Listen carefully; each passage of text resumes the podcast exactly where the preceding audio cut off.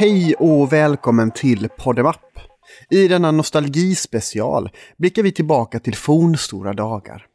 För det känns ju som om det var igår vi utforskade planeten ZDR i Metroid Red och förfasade oss över sandmaskarna som krälade under Arakis vidsträckta sanddyner. Jag heter Jimmy Håkansson och med mig har jag som alltid min Little Drummer Boy, Mikael Gill. Hej Jimmy, hur, hur mår du egentligen? jag mår bra. Låter jag andfådd? du eh, berättade just att du eh, känner av någonting i kroppen. Något, något influensalikt. Mm, ja, nu är det så här att min eh, dotter har ju blivit sjuk. Men enligt eh, självtest så är det ju inte covid eh, vad vi vet. Vi väntar fortfarande resultat på, på ett sånt här eh, officiellt uttalande. Ja, just det. Jag har ju både vaccinerat mig och antikroppar så jag borde ju vara säker. Så allting tyder på att det är en sån här härlig liten influensa. Mm. Och eh, idag så började jag känna mig lite så här hängig när jag kom hem efter jobbet. Så det blir nog första gången som jag inte firar jul i Småland någonsin. Julen är inställd. Vi får bara skjuta på den. Julen, julen är inställd. Vi, bara, vi packar ihop helt enkelt. ja, min, min flickvän ja. tog sin tredje spruta i, i fredags och blev förkyld i samband med det. Eh, det var inte heller covid och hon trodde inte heller att det var av sprutan utan att hon var kanske lite förkyld innan. Men det känns som att man så här duckar de här covid-kulorna lite grann som Mr. Anderson i, i The Matrix. ja, man, man, hoppas att man duckar dem, eller vad tänker du? Ja, Snarare än ja, att man jo. duckar dem på riktigt. Ja, precis. Uh, ja. Nu är hon för, för övrigt i en, uh, någon slags lagerlokal i Holmsund och spelar in en musikvideo och det finns typ ingen värme där. Så jag tänker att hon kommer säkert också att ställa in julen för oss nu snart. Ja men perfekt. Det, ja. Då blir det en sån riktig sån TV dinner Christmas mikrad mat framför eh, Karl-Bertil eh, Jonssons jul. Ja. ja, det blir inte så stor skillnad mot livet i övrigt. Uh, nej, men det känns väl också som att vi har en del att se fram emot i jul, uh, tv-mässigt. Och även om vi äter sån där tråkig mikromat så kan vi ju till exempel se The Book of Boba Fett, visst heter den så? Boba Fett-serien uh, ja. Disney+. Plus Och även Eh, den ena Coen-broderns eh, senaste, eh, The Tragedy of Macbeth, som släpps den 25, som jag ser fram emot jättemycket. Och när ni hör det här mm. så har det ju säkert redan varit den 25, men för oss, vi, vi befinner oss fortfarande på eh, den bortre sidan jul. Precis, och eh, det blir ju lite som en tidsresa att lyssna på den här. Det är ju som ett tidsdokument. Det är ju som att verkligen slita upp den här tidskapseln ur eh, betongväggen eh, eller golvet eller vad man nu än begraver dem. Och se, wow. hitta en podd från förra veckan. Det var så här de levde på den tiden. ja, men jag, jag, jag, tror, alltså om det finns de något sånt. De var som oss. Fast tröttare. alltså om det finns någon sån här brytpunkt så är det väl ändå julen. För att jag känner, eh, jag känner mig så bara utmattad fysiskt och psykiskt efter hösten. Så det blir så jävla skönt med lite, några dagars ledighet liksom. Och jag, jag tänker att jag ja, kommer tack. bli en mycket bättre människa om några dagar. Kanske också trött på julen. Eller, eller åtminstone en människa.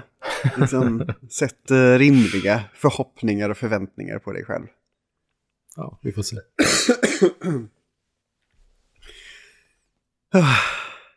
oh.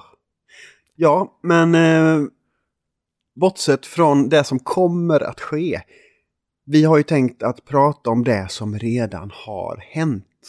Nu känner jag mig som en av de här äh, spökena i Dickens julsaga. The Ghost of Christmas Past. som berättar om forntiden. För, det vill säga det som hände för typ en till två månader sedan. Mm. Det är ja, väl planen. Det är planen. Vi ska prata om saker som vi har tyckt vi tycker det har varit bra i år. Och som har varit någonting i år. Mm. Det, det, är ju, vi har inte så höga krav Det räcker att det har existerat i år. Då kommer vi att prata om det.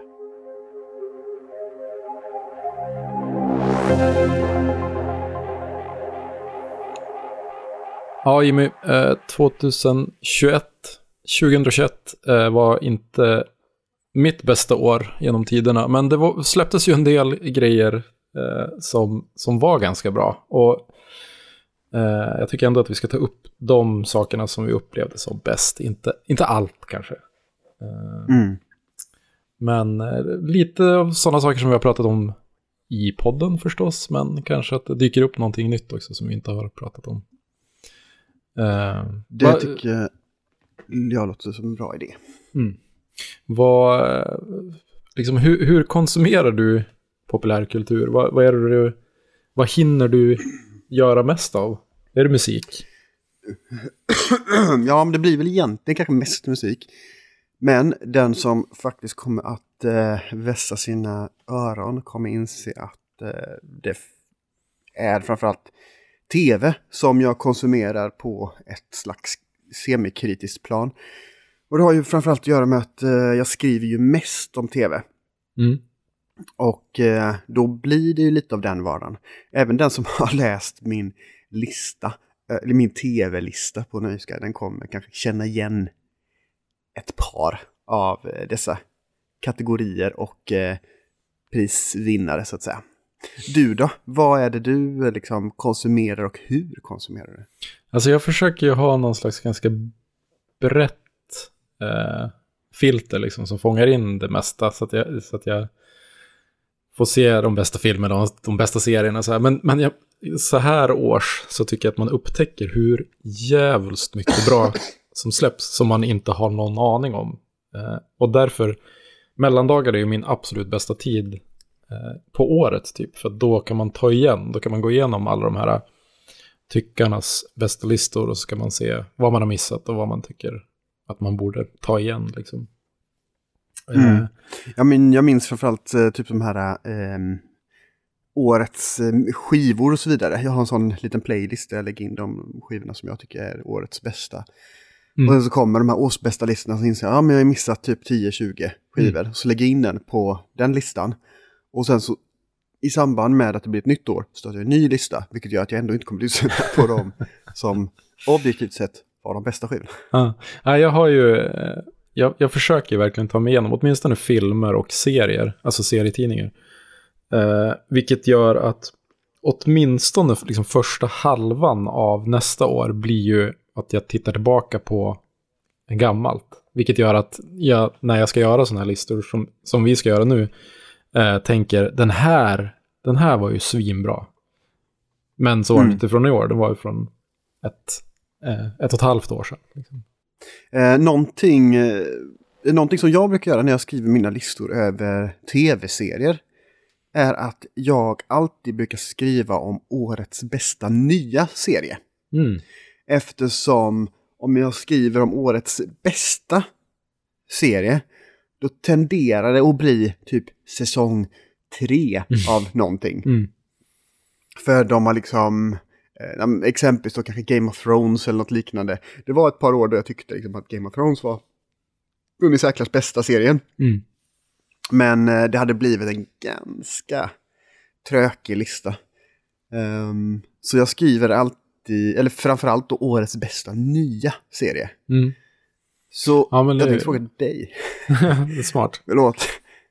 Ja, jag tänkte fråga dig, har du någon årets bästa nya tv-serie? Ja, eh, det har jag nog. Eh, vi pratade ju om Arcane förra, förra veckan, som jag, eller för, förra veckan var det väl. Eh, den tycker jag var otroligt bra. Alltså den, den, den eh, förtjänar faktiskt någon slags topplacering. Men, men den som, en tv-serie som ändå håller högre är eh, Mare of Easttown, som väl kom i våras, tror jag. Mm, det var ju en, eh, den är en sån här klassisk HBO, eh, ja, miniserie kanske är fel ord för den är bara typ så här 8-10 avsnitt. Mm. Men de släpper ju alltid varje sommar en ehm, sån väldigt koncis serie som ofta är en av de bästa serierna. Mm. Eh, som exempelvis, den enda jag kan komma på just nu är den här Sharp Object som jag tyckte väldigt mycket om. Just. Eh, som inte var helt olik eh, Mayor of East Town. Nej, nu när du säger det, det finns absolut eh, flera kontaktpunkter där. Eh, Nej, men det, det, det var en sån där serie som jag blev väldigt eh, tagen av. Jag tyckte den var väldigt, den kändes väldigt eh, genuin på något sätt.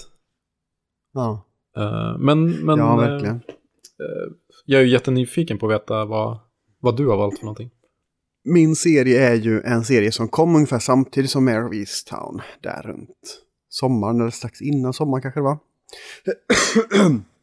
och som blev en sån där vattendelare där vissa tyckte att Åh, det här är bästa jag hade sett och andra tycker att det är superöverskattat. Men jag tyckte att det här var riktigt bra. Jag förstår de som kritiserade den någorlunda för att det fanns ju vissa karaktärer som är lite karikatyrer mer än liksom super tredimensionella. Men å andra sidan tycker jag att varenda karaktär är rolig. Mm. Serien som jag gillade allra mest av de nya serierna var The White Lotus. Den tyckte jag väldigt mycket om. Ja, den var ju fantastisk. Den, den skulle absolut kunna Mm. hamna där på toppen för mig också. Jag tycker den var eh, superkul. Den kändes ju eh, lite som en sån där pågående serie som eh, Succession, som är liksom, det skulle lika gärna kunna vara ett, liksom ett historiskt drama, typ. Eh, lika Mm. gärna som det är Precis, det, det fanns ju, det känns ju lite som en um, Fawlty Towers eh, svarta får till kusin på något sätt. För de som inte har sett serien kan vi berätta att det handlar då om ett eh, tropiskt lyxhotell som är besökt av väldigt rika och extremt privilegierade människor som oftast inte är medvetna om sina privilegier eller kanske är medvetna om sina privilegier men inte eh, skyr att använda sig av dem. Så att säga. Mm. Ja, den var ju, den var vass och den var väldigt, väldigt rolig och det var, det var som, den var ju politisk på ett sätt som var väldigt, väldigt kul. Mm. Du nämnde att eh, den påminner om en pågående serie. Mm. Vilket får mig att vilja ställa frågan, vilket var årets bästa pågående serie? Enligt dig. Ja, nu vet jag ju inte om det är så att eh, jag, bara för att jag håller på att se den just nu, eller för att jag sett att du har skrivit det i vårt kördokument, eh, och så blir jag påverkad av han som faktiskt vet något. Eh, men Succession är ju den som jag tycker fortfarande är en, den bästa. Jag tyckte förra säsongen var jättebra, jag tycker tredje säsongen är otrolig. Jag har inte sett färdigt den än, Mm. men den håller ju en Den är ju, hög nivå. Ja den håller ju extremt hög nivå, men den finns ju, den, jag tycker att den påminner lite grann om en form av, ehm, ja men en, en Aaron Sorkins eh, onda tvillingbrors eh, tv-serie. Nej men just att den är sådär, em, den känns inte realistisk på något sätt för alla är så liksom i synkron med varandra. Mm. Alla är liksom millimeterprecisa i Mm. allting de gör. Ehm, så det, det är ju sådär äh, för, liksom för polerat, för bra kan jag tycka stundtals. Men ja, det är svårt att klaga på någonting som är lite för bra.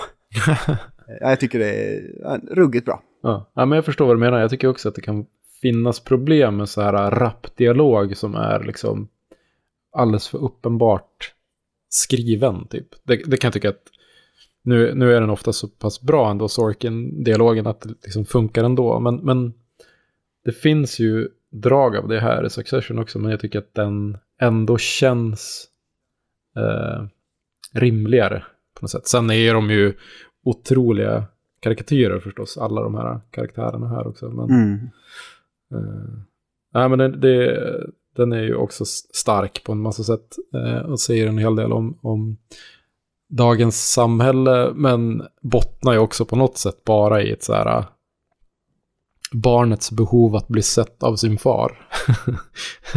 alltså att man, att man, när, Ja. man, när man slås av det, så här, att det handlar ju om ett enormt medieimperium och en, en familj som försöker så här, eh, ja, men vara den som, som får ta över när farsan eh, inom en förmodligen ganska snar framtid eh, trillar av pinn. Eh, Mm.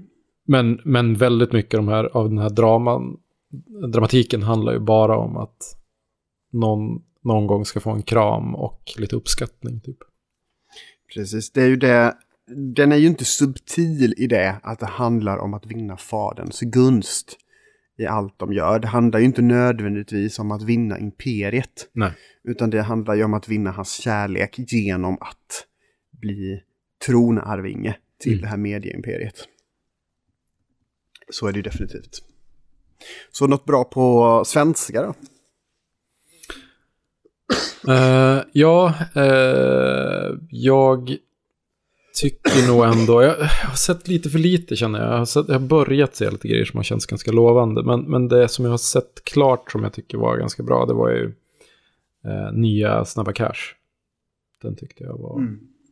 Ja, men den hade ändå den där nerven som, som gjorde att man, man mådde dåligt nästan hela tiden och ville ändå gräva sig vidare i, i skiten på något sätt. Ja, jo men verkligen. Jag tyckte väldigt, också, väldigt mycket om den också. Och när jag såg eh, de första avsnitten eh, och jag intervju, jag pratade med både Evin Ahmad och Alexandra Abdallah. Just det. Till, jag gjorde en intervju med dem. Och jag trodde ju att, och det här, det här har ju blivit ett genombrott för båda, men jag tänkte ju att så här, ja, men det här kommer nog framförallt bli Evins stora supergenombrott. Mm. Men, och det, och det har det ju såklart också blivit, men eh, ing, ingen har ju ridit på liksom, lika hårt på Snabba Cash-vågen som eh, Alexander Abdallah. Han har ju verkligen kommit hem Mm. eh, till allas hjärtan, känner jag i alla fall. Eh, Mm. Som klippkort hos Skavlan. Ja. Eh, den serie som jag tyckte faktiskt väldigt mycket om var den här liksom, den årets stora public service tv-serie, Mm. Tunna blå linjen. Jag tyckte Mm. eh, att det ändå var en, ja, vad ska man säga, det är väl lite trött att kalla det för en, en, en svensk Hill Street Blues.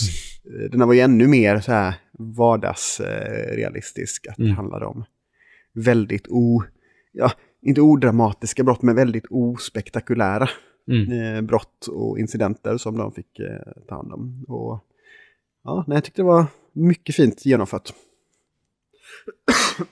Var någonstans i, i liksom spektrat snabba cash, den tunna blå linjen, eh, hittar man eh, liksom verkligheten. Jag tycker att det, det alltså, oj, det här, nu blir det superstort. Jag, jag tänker på liksom det som hände med Einar Mm.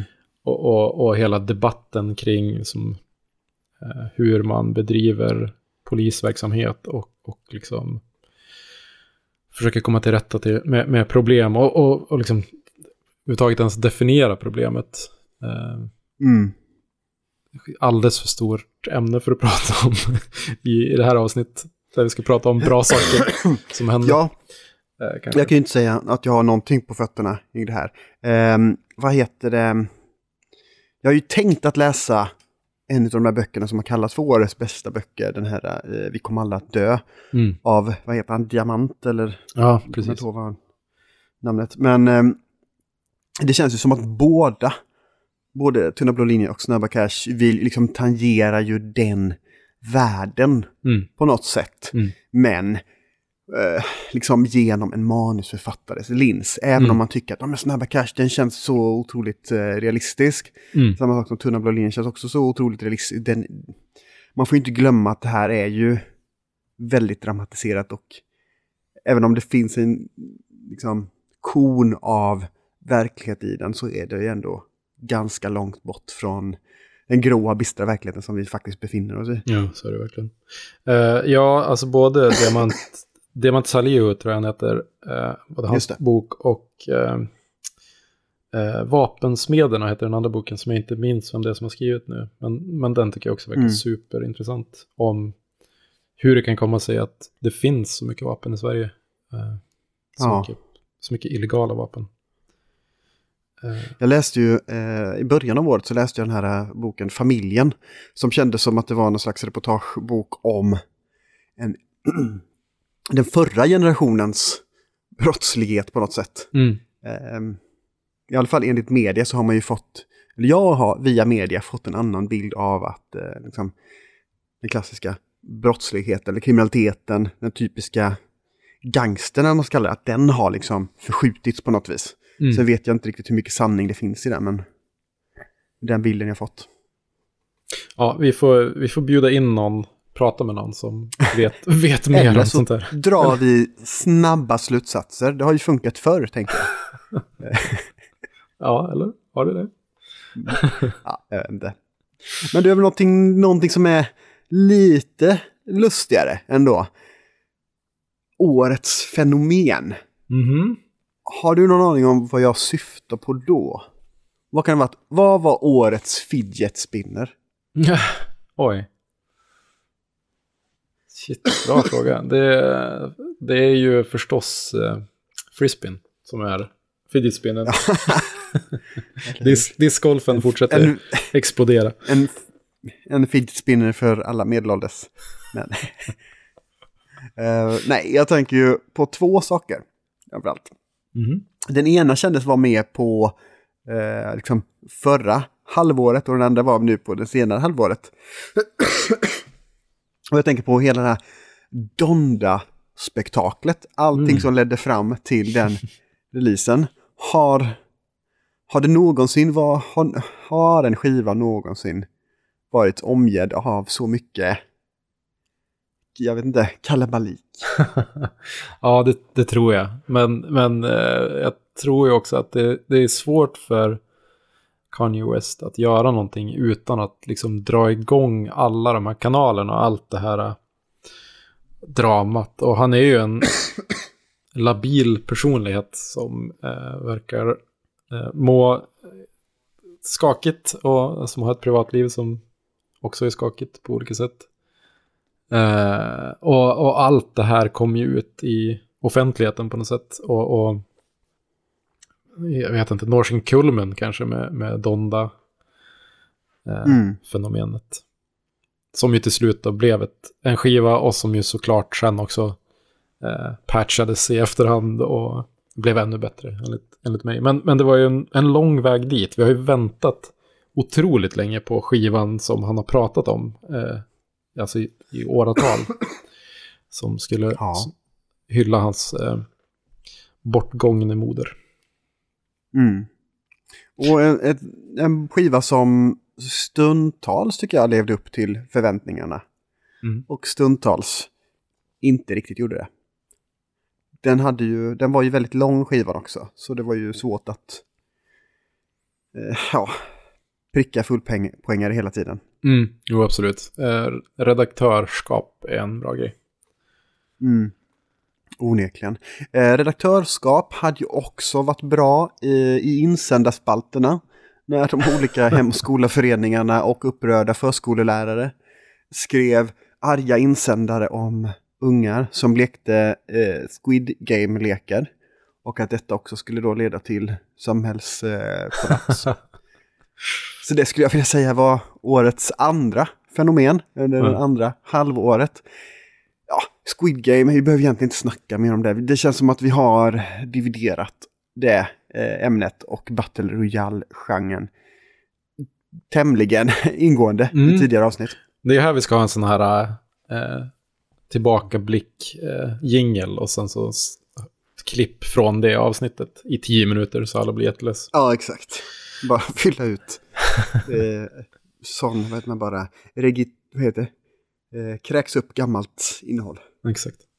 Favorit i repris. Var det någonting som gjorde dig besviken då? Som gjorde att du liksom blev uppgiven? Ja, det var det ju absolut. Det, alltså såklart en, en massa saker. Men en, en sån där sak som jag tänker att jag borde prata om, som vi också har pratat om, är ju metoo i spelbranschen. Att det fortsätter vara en grej och att det liksom kommer närmare och närmare hem. Eh, Mm. i och med eh, Paradox och Ubisoft eh. Eh, det... Jag, jag hade hoppats att vi skulle ha kommit längre. Det är såklart superbra att all den här skiten vädras ut på något sätt. Jag hoppas att det kan leda till bättre saker. Men jag, jag, Mm. tyvärr så kommer det nog säkert hända ännu mer och, och, och uppmärksammas ännu mer saker under nästa år. Eh, Men jag hoppas att vi rör oss åt, åt rätt håll. Ja, jo absolut. Um, jag tänker att uh, det på det stora hela är väl ett gott tecken att saker och ting uh, liksom når upp till ytan. Mm. Får man väl hoppas. Har du någonting? Min, Eh, jag har en besvikelse som inte riktigt är av samma kaliber. det är en helt annan sak. Det är också tv-temat. Jag blev ju väldigt besviken på Ted Lassos julspecial. mhm. Och jag tyckte att Ted Lasso, första säsongen av Ted Lasso var riktigt bra. Det var ju förra årets stora överraskning. Mm. Eh, I år kom de tillbaka med en säsong två och de var ju eh, höga på självförtroende för de hade ju liksom plockat hem varenda Emmy-statyett de som satt lös i princip. Mm. De fick också fler avsnitt att eh, producera och det märktes lite grann för det var en del avsnitt som inte riktigt hängde upp, ihop i liksom arken.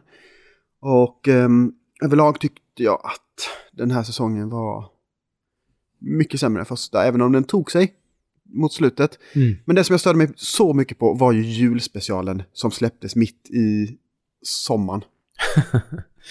Var det just det som var det störande eller var det innehållet?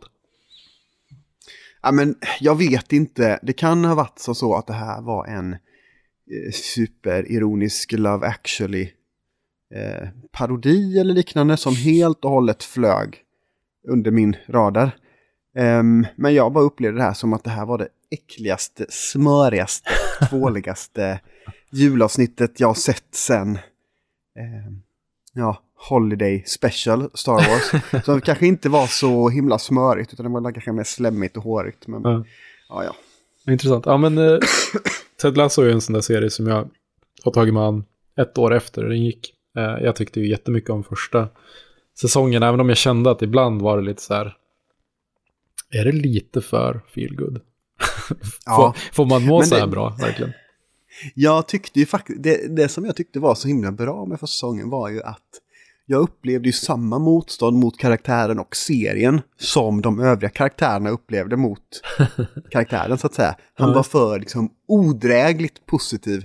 Eh, Men sen så lyckades han ju vinna över mig eh, på samma sätt som han lyckades vinna över de övriga eh, karaktärerna i, i historien. Ja. ja, jag vet inte om jag... Jag tror att jag kommer se andra säsongen, om inte annat för att jag vill se tredje säsongen, där de ju faktiskt ska ha med riktiga Premier League-lag och spelare, som jag förstår det. Det känns ju kul. Mm. En, en eh, apropå eh, feelgood så tycker jag att... Eh, nu har jag inte sett färdigt hela den säsongen heller, men en tv-serie som gjorde mig väldigt glad var Reservation Dogs. Som jag Mm. tror att du har skrivit om också. Den är ju... Ja, det stämmer. den, den har ju stråk av andra känslor också förstås, men jag tycker att den känns väldigt, väldigt fin. Mm. Ja men verkligen, det var ju, tecknar ju ett, eh, ett perspektiv man sällan får skåda ur. Mm. Och det är alltid uppskattat. Eh, på tal om perspektiv som man däremot ofta får skåda ur. Gubbperspektivet. Ah, Vi har ju båda två myst oss i liksom den här härliga gubbvärmen. Inte bara i Podemap. Utan också i, i annan form av gubbkultur. Och eh, jag tycker väldigt mycket om det som du har skrivit på den här listan också. mm. Eh, ja, jo, du kan ju börja med det. Ja, jag har ju sett eh, vad det nu blev till slut. Sju, åtta timmar Beatles-dokumentär. Eh, där de ju, Peter Jackson är det väl som har på något sätt tagit sig an det här materialet som har legat och samlat damm någonstans i, i, Ja. i England. Eh, vad det nu var, 70 timmar filmat, eh, 150 timmar eh, ljudinspelning. Och, eh, Mm. som då dokumenterar inspelningen och eh, liksom hela, nästan hela skapandeprocessen kring skivan Get Back och då spelningen som de gjorde på taket. Den här Let it be, tänker du? Ja, precis. Eller? Mm. Ja. Eh, så här slow tv nästan. I Verkligen. sin behaglighet. Alltså det är ju... Eh, eh, jag vet inte, jag, jag, jag tror att det skulle ha ganska lätt att bli frustrerad av det här om det hade varit någonting annat än, än just Beatles. För att det känns som en... Det känns verkligen som att man är flugan på väggen i, i studion mm. som de är i. Och förstår de här personerna på ett nytt sätt och de här rel relationerna på ett nytt sätt. Och man får se saker som är så jävla stora. Alltså George Harrison lämnar Beatles helt plötsligt. Eh, Paul McCartney eh, skriver liksom några av, av eh, liksom tidernas finaste låtar, sånger. Eh, och, och, man får se det, man får, man får sitta bredvid och vara med om det. Det är sånt jävla mm. mys. Uh, Just den scenen, jag tänker på den här scenen som verkligen har blivit viral. Mm. Och det är ju när han sitter där, eh, liksom pillar på sin gitarr medan mm. George Harrison och eh, eh, vad heter det, Ringo Starr tittar på. Mm. Och han har bara pillat lite olika riff, mm. hittar på lite, liksom mumlar lite rader. Mm. 30 eh, sekunder senare så har han liksom skelettet till Get Back. Och liksom den förvandlingen är... Huh, Shit. Ja, det, är, det är helt päls. otroligt. Och, så, och det här är ju, de är väl inte ens 30 år fyllda eh, när det här händer. Nej. Det är otroligt starkt. Eh, alltså jag får, man får ju gåshud eh, en massa gånger under serien, men det är också bara så här, det är så jävla mycket fjantande och lallande. Alltså de sitter och så här ja. eh, eh spelar andras låtar och, och liksom leker bara. Och sen helt plötsligt mm. när, när deadlinen är där, då, då har de ändå, vad det nu blev till slut, 12-13 låtar som är Alltså jag har inte, jag har inte sett hela än, men jag har typ snart sett två av de här avsnitten. Det känns ju som att 98% av anledningen till varför vi har den här skivan är ju stavas Paul McCartney. ja. och de övriga 2 procenten är eh, Ringo Starr. Eh, nej, men, han, det känns som att han hela tiden bara pressar på. Kom igen nu, vi måste göra det här. Eh, Ringo Starr är den som dyker upp. Han är den ja, som är där. Ja, han, liksom, är, han, är, han är en, en liksom, trogna... Eh, ja, trogna class hero. Exakt. Ja. John Lennon är ju... Sitt, han är ju som siamesisk tvilling med Yoko Ono och eh, tar allt lite grann med glimten i ögat. George Harrison vill ju så himla mycket märker man ju och, och får inte riktigt utrymme för Paul har ju Precis. av olika anledningar liksom tagit på sig den här ledarrollen och det behövs ju absolut men, men det kän, man känner ju mm. också hur det så här, håller tillbaka George lite grann. Precis, man känner ju frustrationen samtidigt som man känner liksom att ja men han har man känner frustrationen liksom att George, George Harrison upplever att eh, jag får inte möjlighet att blomma ut och visa vad jag kan. Mm. Mm. Och Paul McCartney känner så att jag har, vi har en, liksom en konceptuell tanke här. Mm. Eh, om, vi, om, om jag släpper dig så tappar vi den, då skenar mm. vi. Ja. vi in, liksom, då byter vi spår helt och hållet och helt plötsligt så är vi på väg åt fel håll. Ja, eh, ja, det, ja, det finns mycket och de är både sympatiska och osympatiska allihopa. jo, faktiskt. Jag har, eh, så fort jag liksom var färdig med det här så, så började vi kolla på en Eh, en dokumentär om George Harrison som heter Living in the Material World, tror jag. Som mm. BBC gjorde för ganska länge sedan. Uh, jag minns inte exakt årtal. Men den är också superbra. Men, men där visar den ju då vad som, framförallt vad som hände liksom efter Beatles. Och, och, ja. och vad George tog sig an när han inte hade uh, Paul och John som att, att bevisa sig inför. Eh, och, men också liksom mm. eh, osäkerheten i, i skapandet när man inte har sitt band. Liksom. De, de, de höll ju ändå på sen de var, gick i mellanstadiet typ. Mm. Men de var ju både liksom, eh, ja, nu vet, nu är inte jag en Beatles-expert eller George Harrison-expert, men jag upplever att de var både liksom katalysatorer och bromsklossar mm. till eh, George Harrison. Eh, att han fick mycket av dem samtidigt när han eh, samtidigt som Verkligen. han upplevde att de höll honom tillbaka. Mm. Jag ska en snabb sid, sidequest till min, mitt gubbmys som, ja, det är ju Beatles Get Back som är supergubbmyset just nu. Men jag uppskattade ju väldigt mycket Only Murders in the Building. Där ja, nekromantikerna bakom tv-serien slet upp Martin Short och Steve Martin ur sina sarkofager och eh, liksom re, ja, vad heter det? Reanimerade dem. Eh, så att de fick eh, vara en sista tv-serie. Mm. En, en jättehärlig satir på true crime-poddar. Mm. Och eh, tack och lov så finns det faktiskt Selena Gomez som är med som en liksom... Ja, det blir ju lite av en token young girl till Mm. den här duon. Men hon får ändå stå på betydligt mer egna ben än vad det brukar vara i den här typen av eh, serier. Och det är jättevälkommet att liksom man får lite, lite jämvikt så att det inte bara liksom gubbar som eh, ja, trillar runt och byter lår, lårbenshalsen på väg mot närmsta poddinspelning. Jag Ja, tyckte det, väldigt ja, mycket men om exakt, det är det vi behöver också i våran podd. En token. Ja, Eh, lite så.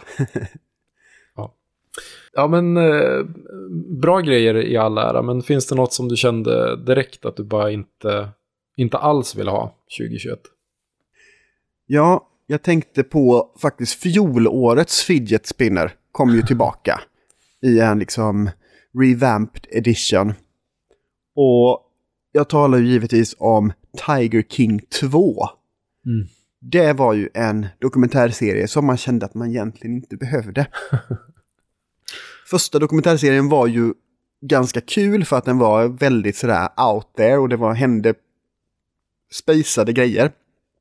Handlar om tämligen tjackade djurplågare som hade tillgång till allt för stora katter. Ehm, ja, och sen eskalerade det.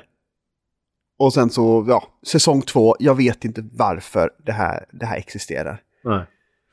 Eh, Sorgligt på jag, många plan. jag tyckte att eh, första säsongen ändå hade något slags värde i att det var, det var ju det vansinnigaste jag sett. Liksom.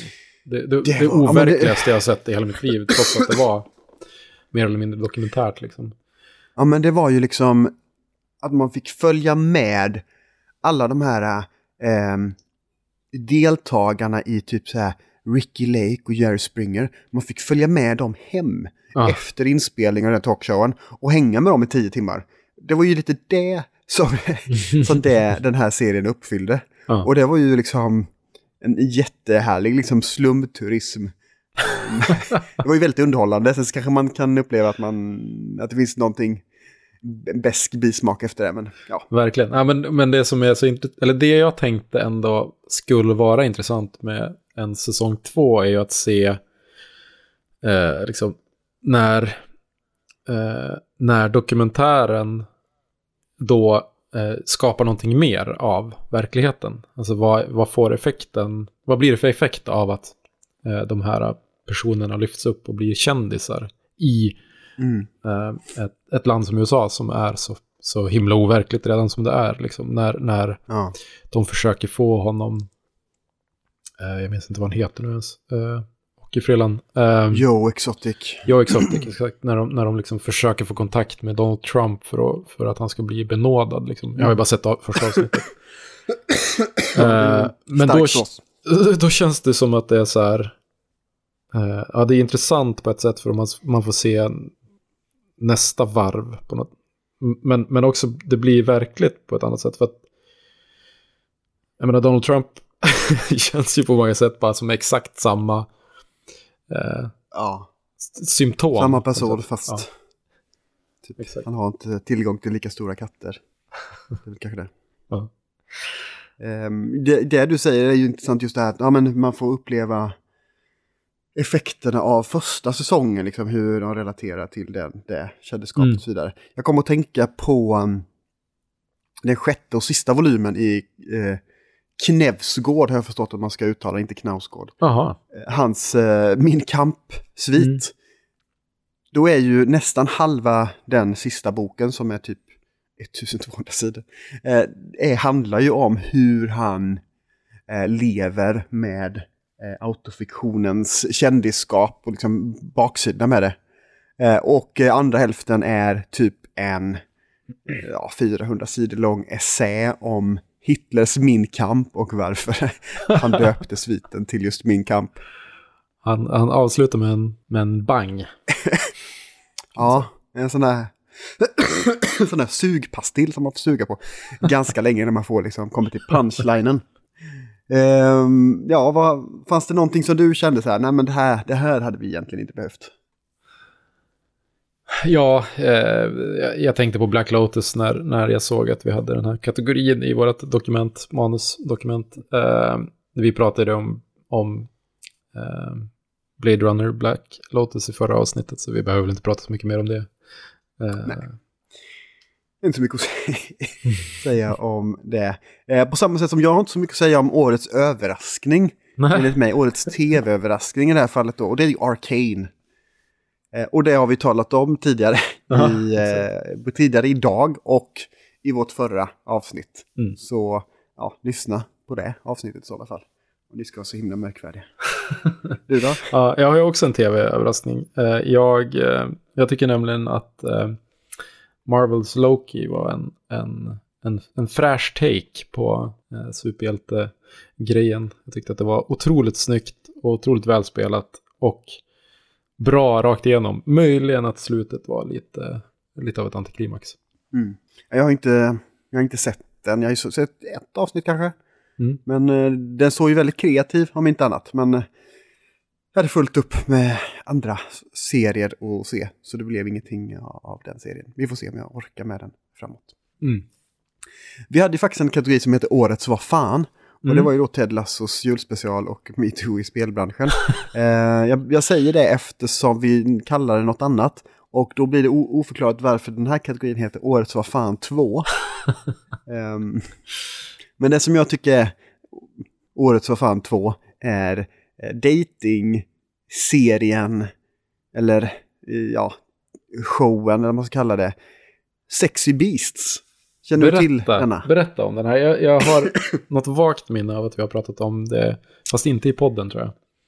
Nej, men tänk dig, tänk dig de lökigaste datingprogrammen du kan tänka dig från typ svenskt 90-tal eller liksom ja, USA idag i princip. Mm. Inte Bachelor utan mer av de här klassiska där allting känns så oerhört skriptat att ingen eh, deltagare uttalar en endaste mening utan att det känns som att ha, någon har verkligen satt orden i munnen på dem. För det finns, de har alla har här lite lustiga punchlines och så vidare. Som aldrig är roliga, som bara känns otroligt ansträngda. Mm. Det här är en sån serie med twisten att alla har blivit utspökade till sexy beasts. Det vill säga typ djur eller monster av olika slag. Så man vet inte om personen i fråga är sexig eller inte. Men alltså är de liksom furries eller är det... de är bara Nej. utklädda för produktionen på något sätt?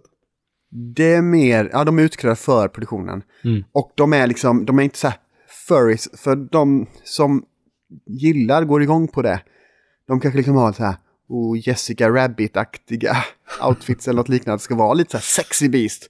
Men här är det liksom bara weird ass beast. Det är lite så här en Kronenberg fast, eller Kronenberg fast i mycket lägre produktionsvärden. Um, det låter otroligt konstigt. ska de dejta. Ja, det är jättekonstigt och det är jättetråkigt. Det är bara, man känner sig bestulen. Ja. Eh, rånar på sin tid. Samtidigt kan jag känna, nu minns jag inte vad det här, det här programmet heter, men det finns ju något datingprogram där eh, de som är med får se eh, deltagarnas kön och liksom bedöma dem och så här, sålla mm. ut personer baserat på allt utom ansiktet och personligheten eller någonting.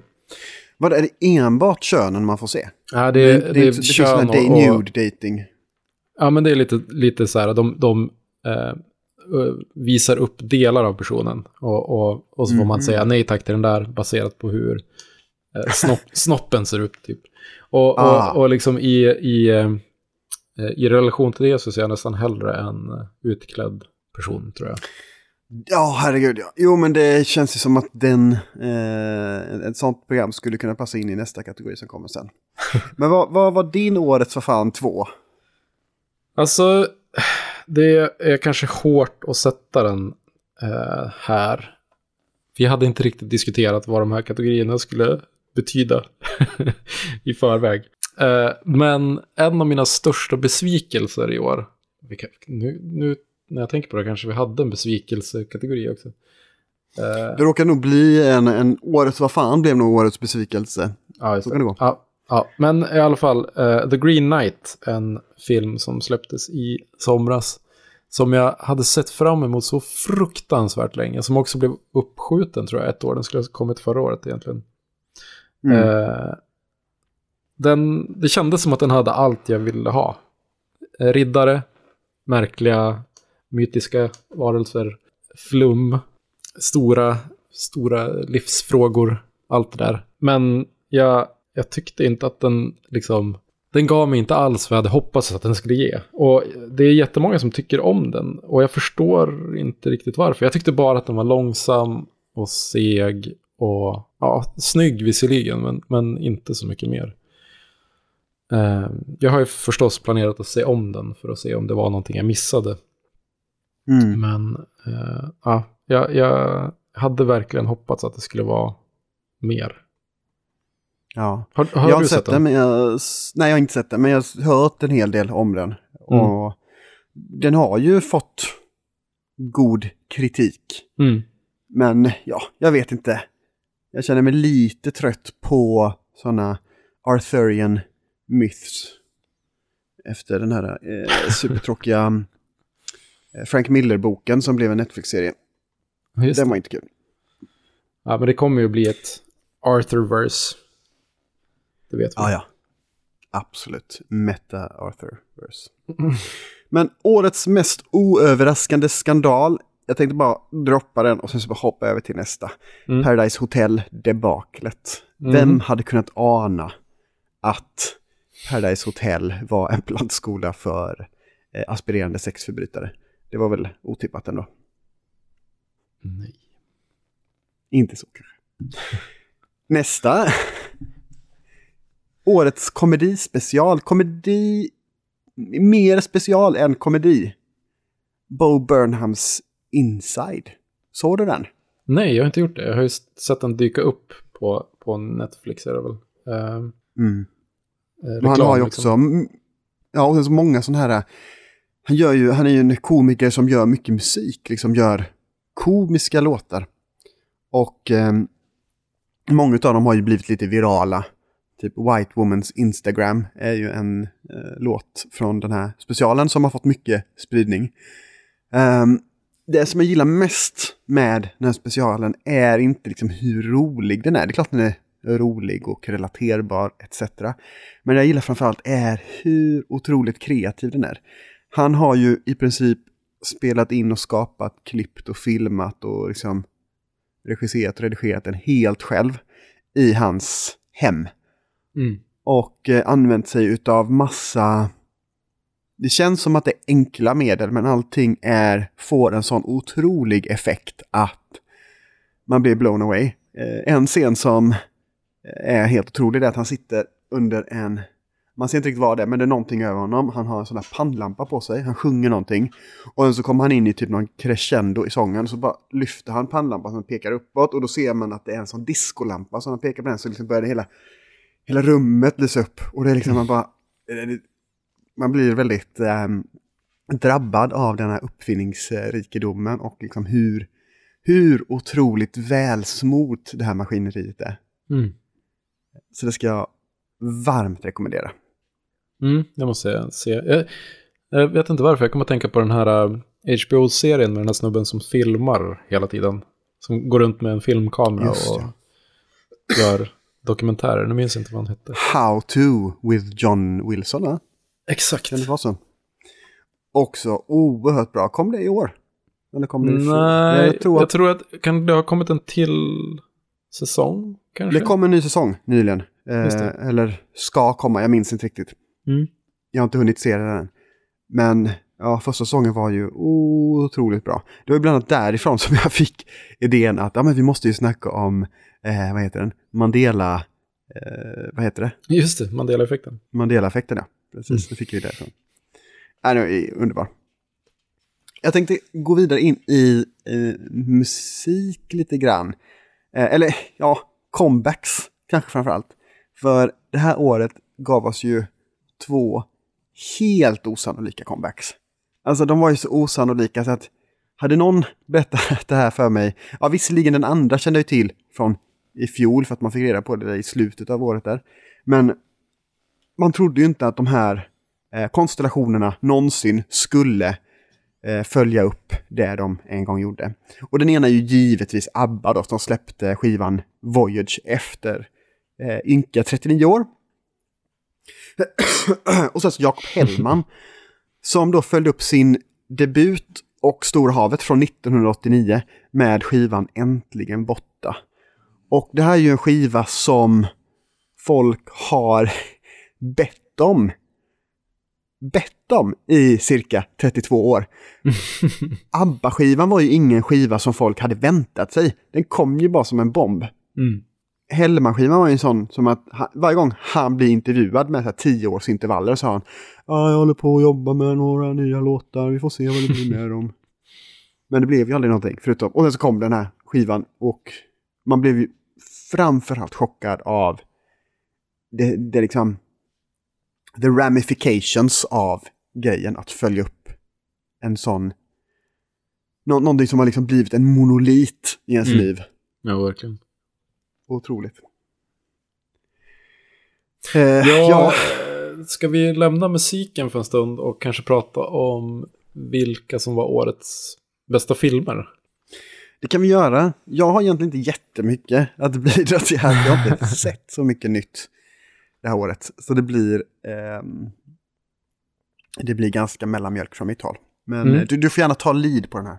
Ja, det kan jag göra. Eh, jag har eh, försökt lista ut vilka filmer jag har sett. Jag, jag för alltid bok av någon anledning just på filmer där jag, jag skriver ner vilka filmer jag har sett och så ger dem ett litet betyg. Och sen så när har jag en annan spalt där jag liksom skriver upp alla filmer som jag får nys om, som jag vill se när de kommer ut. Eh, och om jag går igenom den här listan för i år så är de eh, tre filmer som har fått bäst betyg är eh, Dune, Titan och Judas and the Black Messiah.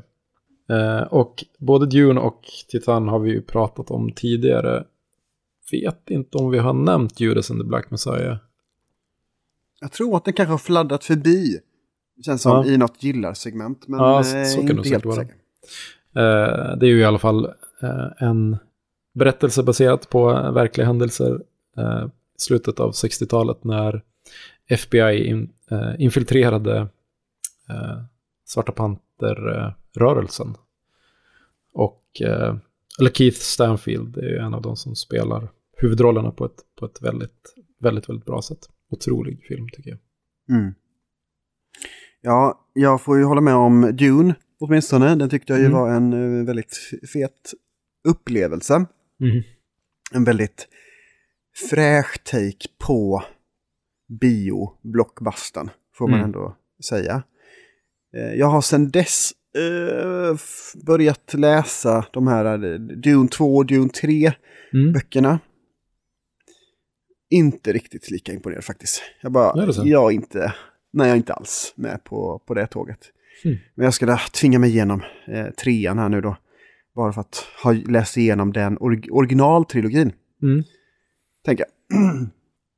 Men, och sen så såg jag en annan film för inte så himla länge sedan. Och det var ju Wes Andersons senaste. Jag har inte sett någon Wes Anderson-film på ett ganska bra tag. Mhm. The French Dispatch som var jättefin. Som alla Wes Anderson-filmer oftast är. Ehm, men också varje gång man ser en ny Wes Anderson-film så tänker man lite grann, ja ah, det här är så typiskt Wes Anderson. Men ehm, på det stora hela en, en väldigt härlig upplevelse får jag ändå säga. Mm. Jag såg det med mina barn. Jaha. De, eh, det var när jag fyllde år faktiskt. Så, eh, så var deras present till mig att vi skulle gå på bio och att jag skulle betala. Eh, och de ville se den här nya Venom-filmen. Och då tänkte jag, eh, kan vi inte se något annat? Och så tänkte jag, men, ja, det blev The French Dispatch. Över min halvdöda en- kropp, sa du. ja, lite så. Jag var inte alls sugen på att se en sån eh, super-medioker Marvel-rulle faktiskt. Så det blir den här, den var väl halvt som halvt anpassad till eh, mina barn, kände jag. Mhm. Mer åt det ena hållet än åt det andra. Mm. Så är det. Vad, vad är det för mer kultur vi har tagit del av? i år? Eh, har vi läst någon bok? Du har läst gamla böcker kanske? Jul? Ja, jag har ju läst gamla gubb-fantasy och sci-fi. Har jag ju läst. Det är ju Frank Herbert och eh, ja, George R. R. Martin tänkte jag säga, men Tolkien. Eh, Mm, sen så har jag läst mer. jag läste fjolårets eh, mest hyllade bok. Eh, samlade verk. Jag fick den i julklapp Mhm. och så läste jag ut den i början av året. Mm. Eh, Den tyckte jag väldigt mycket om. Sen så läste jag också en, en annan jättegammal bok som också var typ en av årets största bokupplevelser. Och det var ju ehm, Livläkarens besök, tror jag den heter, av P.O. Enquist. Också någon sån här eh, bok som är cirka 40 år gammal eller något. Mm. Eh, en sån superklassiker eh, som jag inte hade läst innan. Och den var otroligt bra. Grymt. Eh, jag har inte läst så mycket böcker alls, inser jag så här, när jag, när jag tittar tillbaka på året. Eh, åtminstone inte så mycket böcker som eh, inte har haft bilder i sig. Eh, men en bok som jag har läst som jag tyckte väldigt mycket om, Max det var... spelar boll. Är Vad sa du? Max spelar boll. Exakt. Är det Zing? Nej, eh, jag har läst Ett sammanvävt liv av Marilyn Sheldrake som handlar om den eh, naturkraft, bokstavligt talat, som svampar är. Eh, det finns ju oändligt många olika svampsorter som gör oändligt många olika saker och som vi vet väldigt, väldigt lite om. Jag har också förstått att liksom, svampcommunityt är ett ganska intressant sådant. Eh, snubblade på en bekant som har snöat in fullständigt på det här och, och mycket av forskningen som görs, görs liksom på gräsrotsnivå. Eller vad det nu tänk, kan tänkas, mycelnivå kanske det heter på i svampcommunityt. Eh, det är ett väldigt aktivt och eh, intressant community, precis som, som svampsläktet är ett väldigt eh, intressant sådant. Eh, superspännande bok, eh, liksom populärvetenskap på, på bästa möjliga sätt. Ja, Eh, spännande. Merlin, Merlin Sheldrake är en ganska ung, jag tror att han är engelsman, eh, som har en bror som heter Cosmo Sheldrake som jag snubblade över för några år sedan. Han, eh, han är också ganska excentrisk. Eh, han är musiker och han bygger eh, jättespeciella instrument som han spelar på och, och gör musik på, liksom, eller skivor eh, på, på sina egna instrument. Och, och Merlin och Cosmo har ju förstås också hjälpt, eller samarbetat och gjort någon, eh, gjort musik eh, genom svampar på något sätt. Jag, jag vet inte hur. Eh, jag tror inte att det handlar om att de har liksom, eh, tagit svamp, utan jag tror att de, de har liksom, skickat någon slags elektriska impulser genom svampar och sen fått ut eh, musik på andra sidan. Fråga mig inte hur. Ja, det låter väldigt, väldigt spännande. Ja. Absolut. Eh, du pratade om att du skriver om eh, tv. Jag skriver ju om spel en del. Eh, så jag borde ju egentligen dra det tunga lasset här när det kommer till just årets bästa spel. Eh, men jag vill faktiskt börja med att fråga dig. Ett, om du har hunnit spela någonting i år. Det är ju en, en sån där syssla som tar jävligt mycket tid. Eh, Mm. och, och i så fall, vad är egentligen ditt bästa spel i år? Jag har inte hunnit spela jättemycket spel i år. Det har jag faktiskt inte.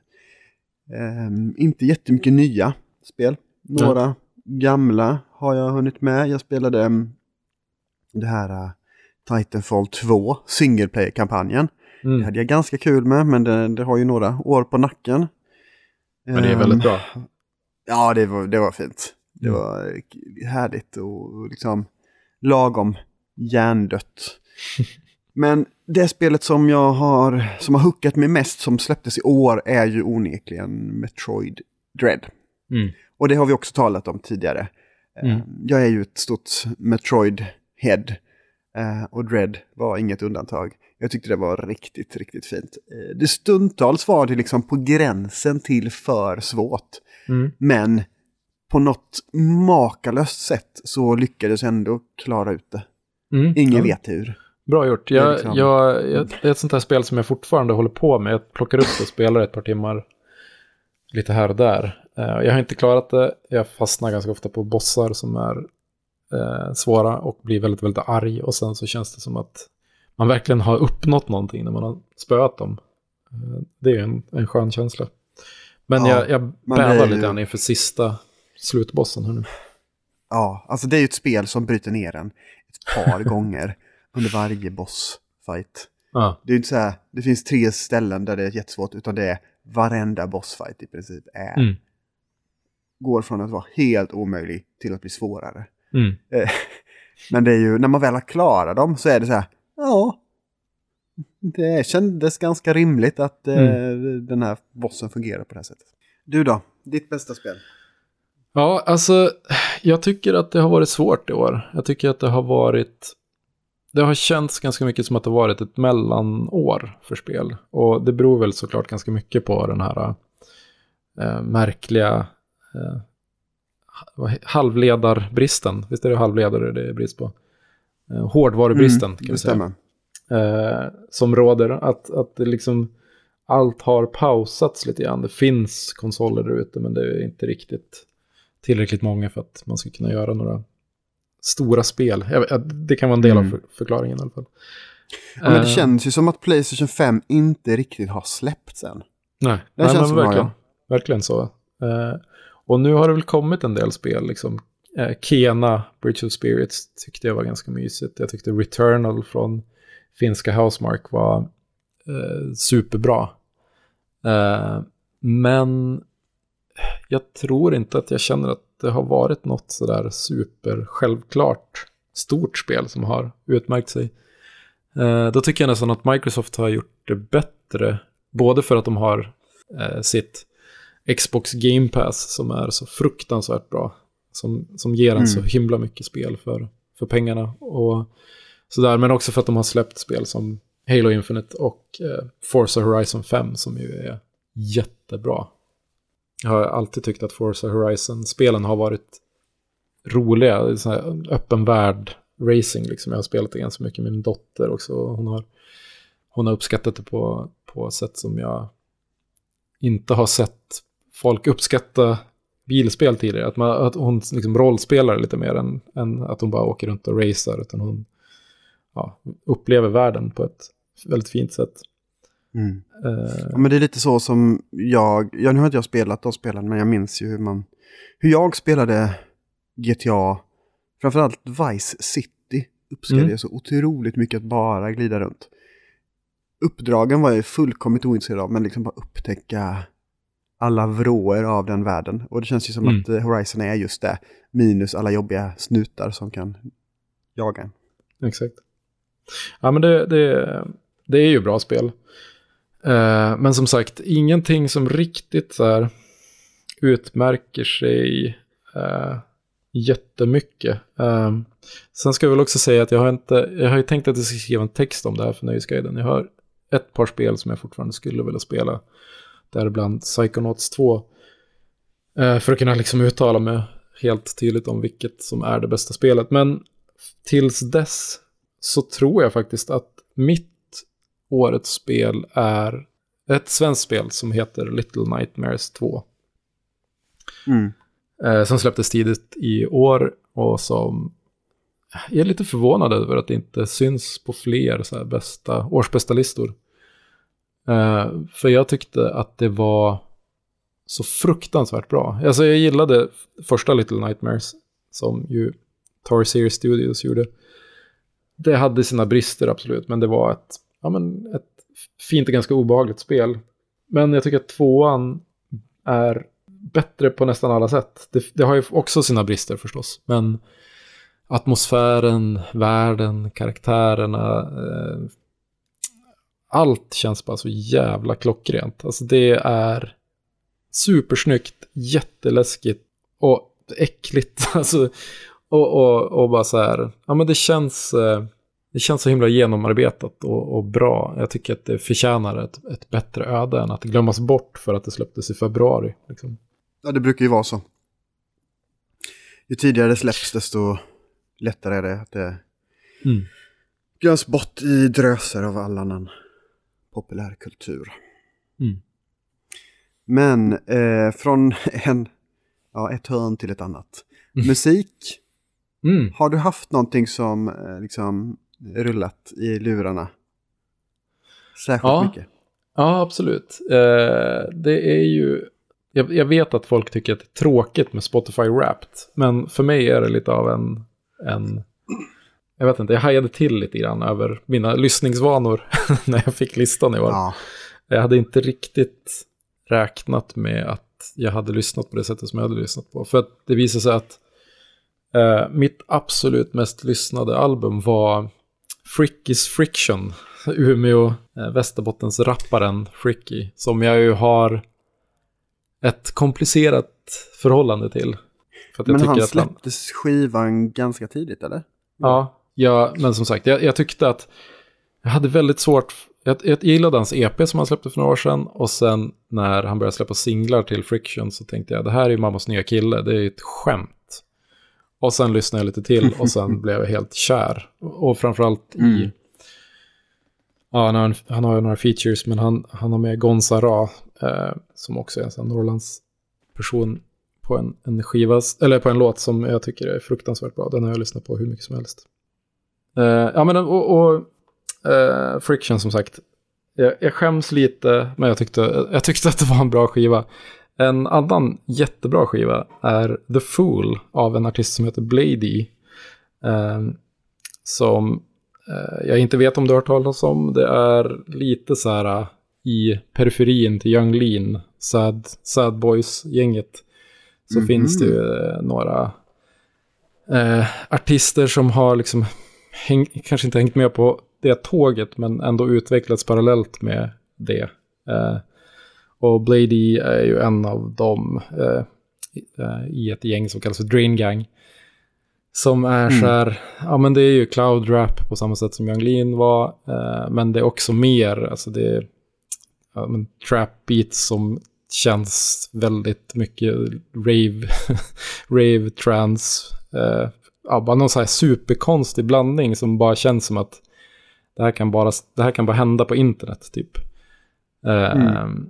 och så blir det uh, uh, liksom hans flow som är väldigt, uh, låter ganska androgyn. Han, han brukar prata ganska mycket om hur, om en mental hälsa och, och depressioner och sånt där. Men, men The Fool är väl också ett, ett album som känns lite mer hoppfullt än vad det har gjort tidigare. Det, man, man blir glad av det samtidigt som det finns ett stort ved, vemod i det på något sätt ja, jag vet inte.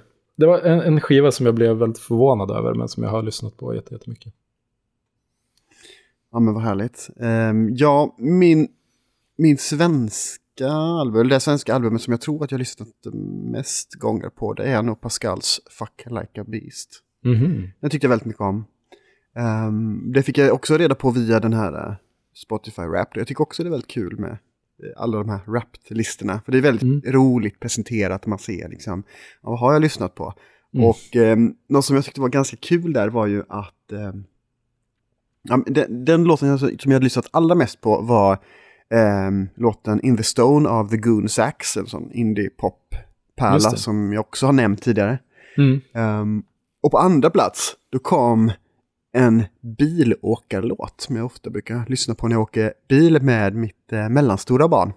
Mm -hmm. Harness Your Hopes med Pavement. Den eh, brukar vi jättemycket lyssna på när vi åker. Mm. Och kort därefter, ja det var faktiskt väldigt eh, fint, och kort därefter så kom en annan bilåkarlåt som jag alltid brukar spela när jag kör med eh, minsta dottern, treåringen. Mm. Och det är ju Yellow Submarine, på tal om Beatles. Aha jag tänkte att det skulle vara Babblarna, eller?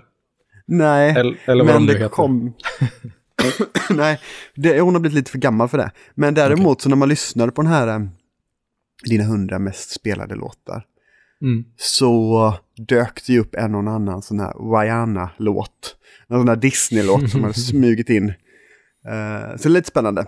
Mm. Men ehm, den, de två skivorna som jag har lyssnat, eller som jag uppskattat mest, tror jag, jag har inte haft någon som är så solklar segrare. Ehm, men jag har en, en grupp som jag typ, vad de än släpper, tycker jag är oftast är årets bästa. Och det är Mm. The War on Drugs. Och Ja. de släppte albumet I don't live here anymore. Och ja, det är, det är bara toppen. Det är The War on Drugs. Ja, det känns väldigt mycket Jimmy. Av, av någon anledning så tänker jag på dig jämt när jag lyssnar på Warren Dogs. Och jag vet inte om vi har pratat om det i podden förut, men, men det är så här, varje, varje ny skiva eller varje ny låt man hör med dem så känns det som att man kommer hem på något sätt. Ja, ah, det är klart att Ja. det här är The War on Drugs. Ja, men Eh. precis. Det är ju, den börjar precis där det slutade. Ja. Det känns som att man är tillbaka till 2009 eller någonting. När man Mm. kanske första gången som jag hörde typ dem och Kurt Weill och liknande. Mm. Så varje gång jag hör någonting med dem, så även om det är nytt och fräscht så är det ändå liksom, hamnar den viben. Mm. Eh, men den skiva som jag ändå tycker har varit kanske roligast i år är nog faktiskt eh, Glowing in the Dark av Django Django. Och det är ju ett ehm, brittiskt art rock neo psykedelia band såklart. Wow. Ehm, ja, de är nästan så här stereotyp. Det är liksom i sin eh, art-funkighet. Ehm, men, eh, och, och sen så också så här typiskt EA-sports, Fifa, eh, Grand Theft Auto s- musik. What? De hamnar på sånt. Intressant. Google it. Ja men det är typ, det är sån, den typen av alternativ eh, musik, den typen av musik som jag, när jag växte upp så tyckte jag liksom att ja men det här är ju, det här är coolt, det är lite happening. Och nu är det Mm. liksom de typerna av människor som väljer musik, som är typ som jag, på liksom IA Sport som bara, ja den här musiken låter som det jag lyssnade på för 20 år sedan. Mm. så stoppar de in det där. Samtidigt som, som, Halv, halvhett liksom. ja, samtidigt som dina kids som är de som spelar spelen hellre vill se Venom på bio än lyssna på din jävla Ja. bajsmusik. Precis, bara, ah fan, nu, har de gjort ett jävla dadrock soundtrack till Fifa. Ja. No. Bara, nej men spela upp det här. Är ju Tame Impala. Det är bra grejer. Ja, det är... Ja. lätt. ja, men om, vi- om vi pratar, eh, är du färdig på, med dina internationella skivor? Jajamän. Ja, eh, min, jag vet inte hur jag ska sortera den här topp tre listan riktigt. Eh, Donda finns ju med där eh, i alla fall. Det är en av de skivor jag lyssnar på mest och det är en av de skivor jag tycker är, är bäst också. Framförallt efter att Andre 3000-låten, eh, som jag nu tappat namnet på, kom med på skivan. Den är fruktansvärt stark, både på grund av hans, Mm. eh, hans rader men också på grund av en DMX-sampling. DMX eh, Just ja. som ju gick bort alldeles nyss. Eh, som Mm. pratar med sin dotter, tror jag det är. Eh, någon, någon privat inspelning. Det är så jävla starkt att höra. Jag vet inte varför, men det... det eller jag vet exakt varför. Men, men um, Mm. ja, jag tycker att den är en jättebra skiva. Ehm, men sen har jag också lyssnat jättemycket på Arlo Parks. Uh, Collapsed in Sunbeams heter skivan. Hon är ju en brittisk R&B soul-artist. Jag vet inte riktigt vart man ska placera henne. Eh, som gör så fruktansvärt bra grejer. Uh, sån där musik som funkar jämt, tycker jag. Och den tredje skivan som jag nog ändå måste prata om, det var egentligen, det är egentligen så eh, att den släpptes först som en EP och sen så släppte de en, ett album av den senare. Eh, också ett band som jag haft lite komplicerad relation till tidigare. Det är nämligen ett band som heter Turnstyle som har varit så här den eh, liksom posterbandet för den nya generationen hardcore-band. Typ som vill låta ganska mycket som banden som vi lyssnade på när vi var unga. Men som gör det på ett nytt sätt. Och jag har som aldrig riktigt gillat det. Kanske för att jag är en gubbe. Men, eh, men i år hände det. Då, då släppte de en skiva, eller den här EPn, och sen skivan som heter Glow On, som var, där de verkligen tar ut svängarna och gör någonting mer än bara hardcore, 90-tals hardcore liknande musik. Och det är stundtals svinbra. Jag vet inte vad man ska kategorisera det som alls. Det är ju inte... det är gitarrer och trummor och, och eh, lite elektroniskt. Så här, men det, det, man kan som inte kalla det någonting som, som jag kan formulera i alla fall. Men det är jättebra. Du har ju såklart också läst en trave med serietidningar. Jag har läst några serietidningar men ingenting som har släppts den här sidan av typ 80-talet. Så det är nog bäst om du berättar vad som var årets bästa serietidningar. Ja, det är ju lite roligt att du eh, säger det på det sättet. För en av de bästa serietidningarna, eller vad man nu ska kalla det, som jag har läst är ett 35-årigt, tror jag, långt projekt som en klassisk serietidnings... Eh, serietecknare och eh, manusförfattare som heter Barry Windsor Smith har, har jobbat på.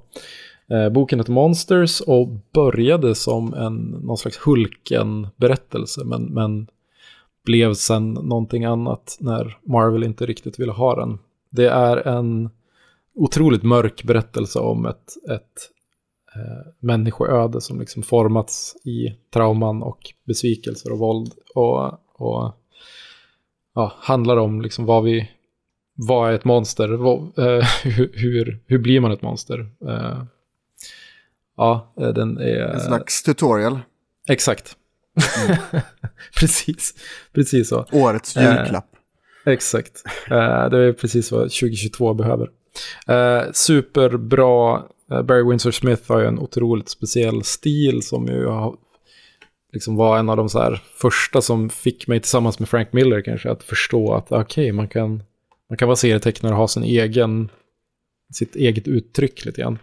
Han, han eh, gjorde ju en massa Wolverine och Lady Deathstrike-berättelser på, på 80-talet till exempel. Som man läste storökt redan då. Eh, men Monsters är superbra, den, den kan man läsa även i år och tycka, tycka om.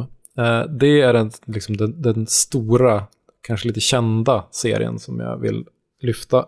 Eh, en betydligt mindre är en, eh, vad kan det vara, 40-50 sidor lång, eh, nästan fanzine tidning som jag har läst. Jag köpte den via ett skotskt förlag som heter Quindry Press. Som gjorde en Kickstarter där här, den här tidningen var en av, av fyra tror jag Eh, den heter Wolven Daughter och den är gjord av en person som kallar sig för Ver. Jag vet inte vad hen heter egentligen. Eh, en otroligt vacker och, och mäktig berättelse om ett, en eh, en plats där ett, som, som plågas av ett monster. Och ja, det, det, går inte att säga så mycket mer om det utan att spoila eftersom den är så kort. Men eh, får man tag på den så, så ska man skatta sig lycklig för den är superbra. Härligt. Ja. Du, jag vet inte hur du känner dig, men jag känner att jag har svettat ur mig hela 2021. Skönt. Lämna den här skiten ja. bakom dig. Ja, men lite så. Bara kasta in med svettiga 2021 paltorna in ja, i jag, masugnen. Jag mår lite dåligt över att jag tvingar dig att sitta här vid micken nu när du egentligen bara borde ligga nerbäddad med någon sån här eh, ispåse på pannan och en termometer i munnen. Skink, mellan skinkorna. ja, det har, du, det har du kanske helt rätt i. Men eh, ja, det känns som att nu har vi faktiskt tagit vårt ansvar för det här året. Eller? Ja, nu, nu har vi gjort vårt. Jag vet inte när vi kommer tillbaks, men det lär ju Nej. bli nästa år. Det kommer bli nästa år. Jag tror det. Eh, tills dess så finns vi på Twitter och Instagram där vi heter @podemapcast. God jul, gott nytt år, krya på dig Jimmy och så hörs vi snart. Det gör vi. Ha det gott nu. Hejdå. Hej.